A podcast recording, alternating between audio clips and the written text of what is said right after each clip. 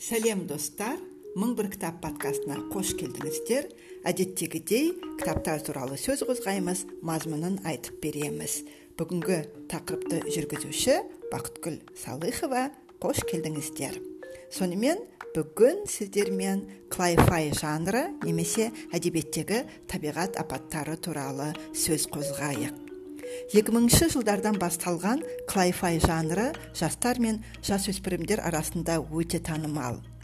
Клайфай сөзі climate fiction сөзінен қысқартылып алынған. Яғни climate fiction ауа райындағы өзгерістер мен ғаламдық жылыну мәселелеріне арналған әдебиет. Негізінде ғылыми фантастиканың түріне жатады. 2007 жылы дэн блум атты журналист осы қысқартуды ұсынған. Ал 2012 жылы танымал америкалық жазушы маргарет этвуд твиттердегі жазбасында осы терминді қолданып климаттағы өзгерістерді сипаттайтын кітаптарды клайфай деп атай бастаған. Сөйтіп әлеуметтік желілер осы терминнің тез таралып танымал болуына септігін тигізді. Дәстүрлі ғылыми фантастикада негізінен ғарыш роботтар жаңа технологиялар мен өзге ғаламшарлар туралы айтылады. Жаңа ғасыр өзімен бірге жаңа тақырыпты да ала келді.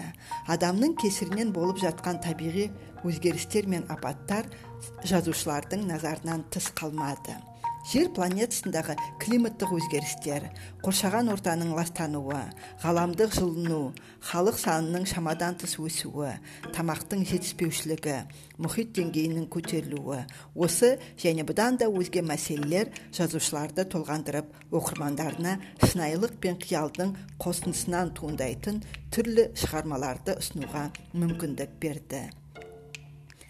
Танушылар бұл жанрдың сондай жаңа еместігін де атап өтеді. Оған мысал ретінде жюль верн шығармаларын келтіреді. Дегенмен де осы сипаттағы шығармалар тек 20 ғасырдың ортасында пайда бола бастады.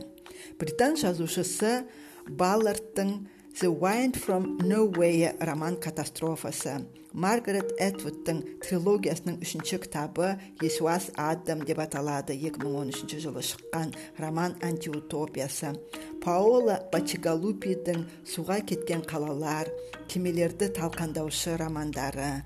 Сара кроссонның дем ал романы ағылшын тілінде шығып өз оқырмандарын бейжай қалдырмаған шығармалардың бір бөлігі ғана.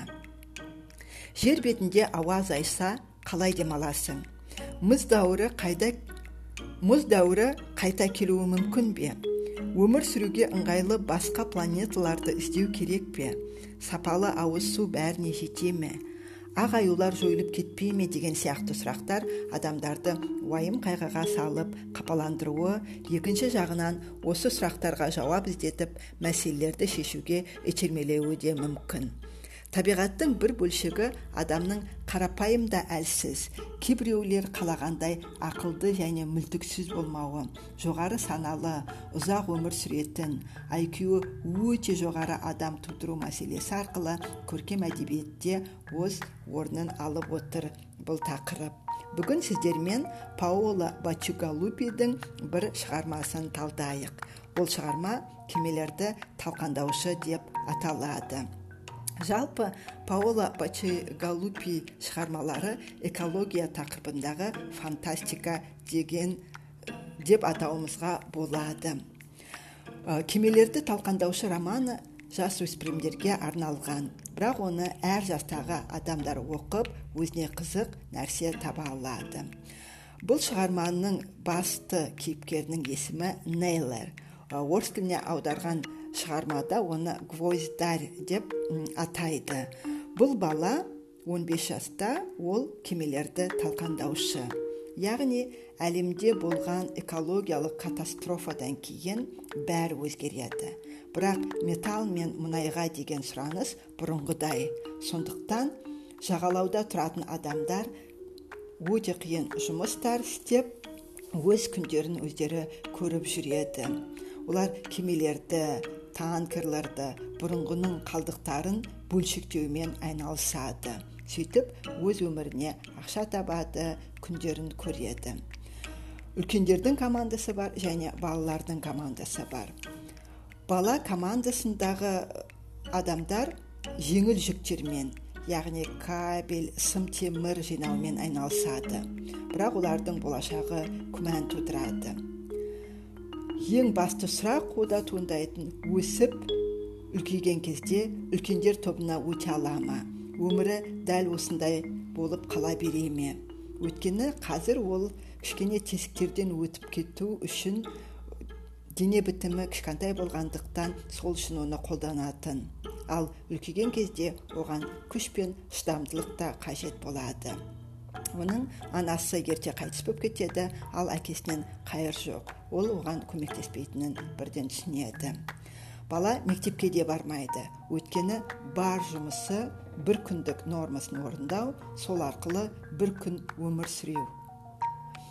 Ә, кейде ол өзінің командасымен ақылдасады сөйлеседі өзіне бір жауаптар табады. Оның ең басты арманы өте жақсы пайда тауып байып кету. Бұл өмірден қашып шығу. Бірақ алдында оның таңдау тұрады. Баю ма әлде қасындағы адамның өмірін сақтап қалу ма? Бұл шытырман оқиғаға толы роман. Кемелермен саяхат суда да құрлықта да өтіп жатқан шайқас қатты дауыл мен құйыннан аман шығу оған қоса саяси және қылмыстық қара қайма, қайшылықтар да бар. Сипаттау автор атынан жүргізіледі. Бірақ оқырман барлығын басты кейіпкердің көзімен көреді. Оның сөздік қоры да мол емес. Әлем туралы да көп ақпарат ала алмайсыз. Экологияның экологиялық катастрофа географиялық ақпараттар өзгерістер туралы да көп мәлімет біле алмаймыз. Әлем кейіпкердің көзімен беріледі. Ал ол үшін бұл қатал қиындығы көп залым әлем. Бірақ өте көп фантастикалық элементтер де бар. Суға батқан жаңа орлеанды сипаттау генетикалық жолмен жасалған жартылай адамдар жаңа діннің элементтері. Бұл роман басты кейіпкердің мінезінің қалыптасуын өте жақсы көрсетеді. Жолы болғыш бала күн өткен сайын жаңа шешім қабылдап түрлі проблемаларды шешіп алдына қойған мақсаттарына жетуге тырысады. Ол табанды және батыл бала. Оқырман оны өзімен салыстыра отырып қарауына болады және соған ұқсағысы келетін де кездері болуы мүмкін. Роман барысында басты кейіпкер өзінің сұрақтарына біраз философиялық жауаптар табады. Мысалы адамның мінезіне өлтіру қалай әсер етеді? Шығармада былай мынандай жолдарды оқисыз. Өлтіру бостан бос кетпейді. Әркез ол сенің бір бөлшегіңді алып кетеді. Сен біреудің өміріне қол сұғасың ал ол сенің жаныңның бір бөлшегін алып кетеді. Бұл оның құны. Ылғи да солай болады дейді оған қоса бұл жерде туысқан деген кім мінезді не қалыптастырады? деген сұрақтардың өзінше жауабын беріледі және бала сол жауаптарды табуға тырысады. Бұл роман өте тез және оңай оқылады. Бірақ әрине әркім әртүрлі қабылдауы мүмкін оқу барысында. Бірақ бұл болашақ туралы фантазияға ерік берген шығарма. Болашақта адамды не күтуі мүмкін? Қызықсаңыздар осы романды оқып шығыңыздар.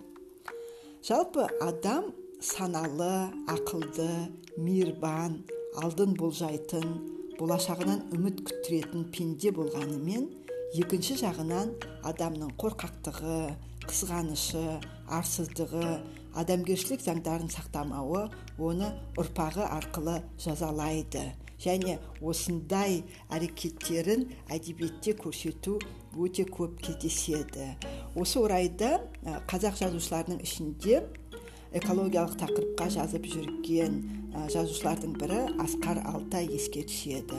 Ол кісінің киллер сауысқан немесе көкжендет деп аталатын әңгімесі кентавр түсік атты шығармалары ойға оралады және осы шығармаларда көтерілген мәселелер де экологиямен тығыз байланысты. Табиғат апаттарын сипаттауға арналған көркем әдебиет тізімін және оқырмандардың назарын аударған танымал шығармаларды саралау бұл шығармалар оқырманға ғылымды әсіресе жаратылыстану ғылымдарын жақындата түсетінін көрсетеді. Осындай шығармаларды оқу арқылы адамдар ғылымды терең түсіне бастайды. Сонымен бірге жазушылар қоршаған ортаның проблемаларын оқырманға түсінікті тілмен жеткізіп оның алдын алу немесе табиғат апаттарының залалымен күресуге жетелейді деп есептеймін. Бұл бағытта клайфай жанрының кино өнерінде жиі қолданылуы да жастардың қоршаған орта мәселелеріне қызығушылығын арттырады. Олар адамның көзқарасына ой пікіріне кейбірінің өмір сүру салтына әсер етіп оң өзгерістер әкелуі де мүмкін. Бірақ ә, клайфай жанрындағы әдебиет не істеу керек? Жағдайды қалай өзгерте аламыз деген сұрақтарға тікелей жауап бермейді. Ол тек оқырманның назарын шығармада көтерілген мәселелерге аударып өзімізді өзіміздің табиғатқа деген қарым қатынасымызды өз өмірімізді өзгертуге әлі де кеш емес екен деген ой салады. Оқырман тыңдарман сіздерді осындай клайфай жанрындағы әдебиетті оқуға шақырамын. Егер сіздер экология тақырыбындағы әдеби кітаптарды оқыған болсаңыздар пікірге жазып ой бөлісіңіздер өздеріңіздің пікірлеріңізді айта кетіңіздер. Сонымен мың бір кітап подкастын осымен аяқтайық. Бізбен бірге болыңыздар тыңдаңыздар әртүрлі жанрдағы кітаптар оқыңыздар ой бөлісіңіздер сіздермен подкастты жүргізген бақытгүл салыхова. Келесі кездескенше ойымыз кең болсын пікіріміз ашық болсын. Сау болыңыздар.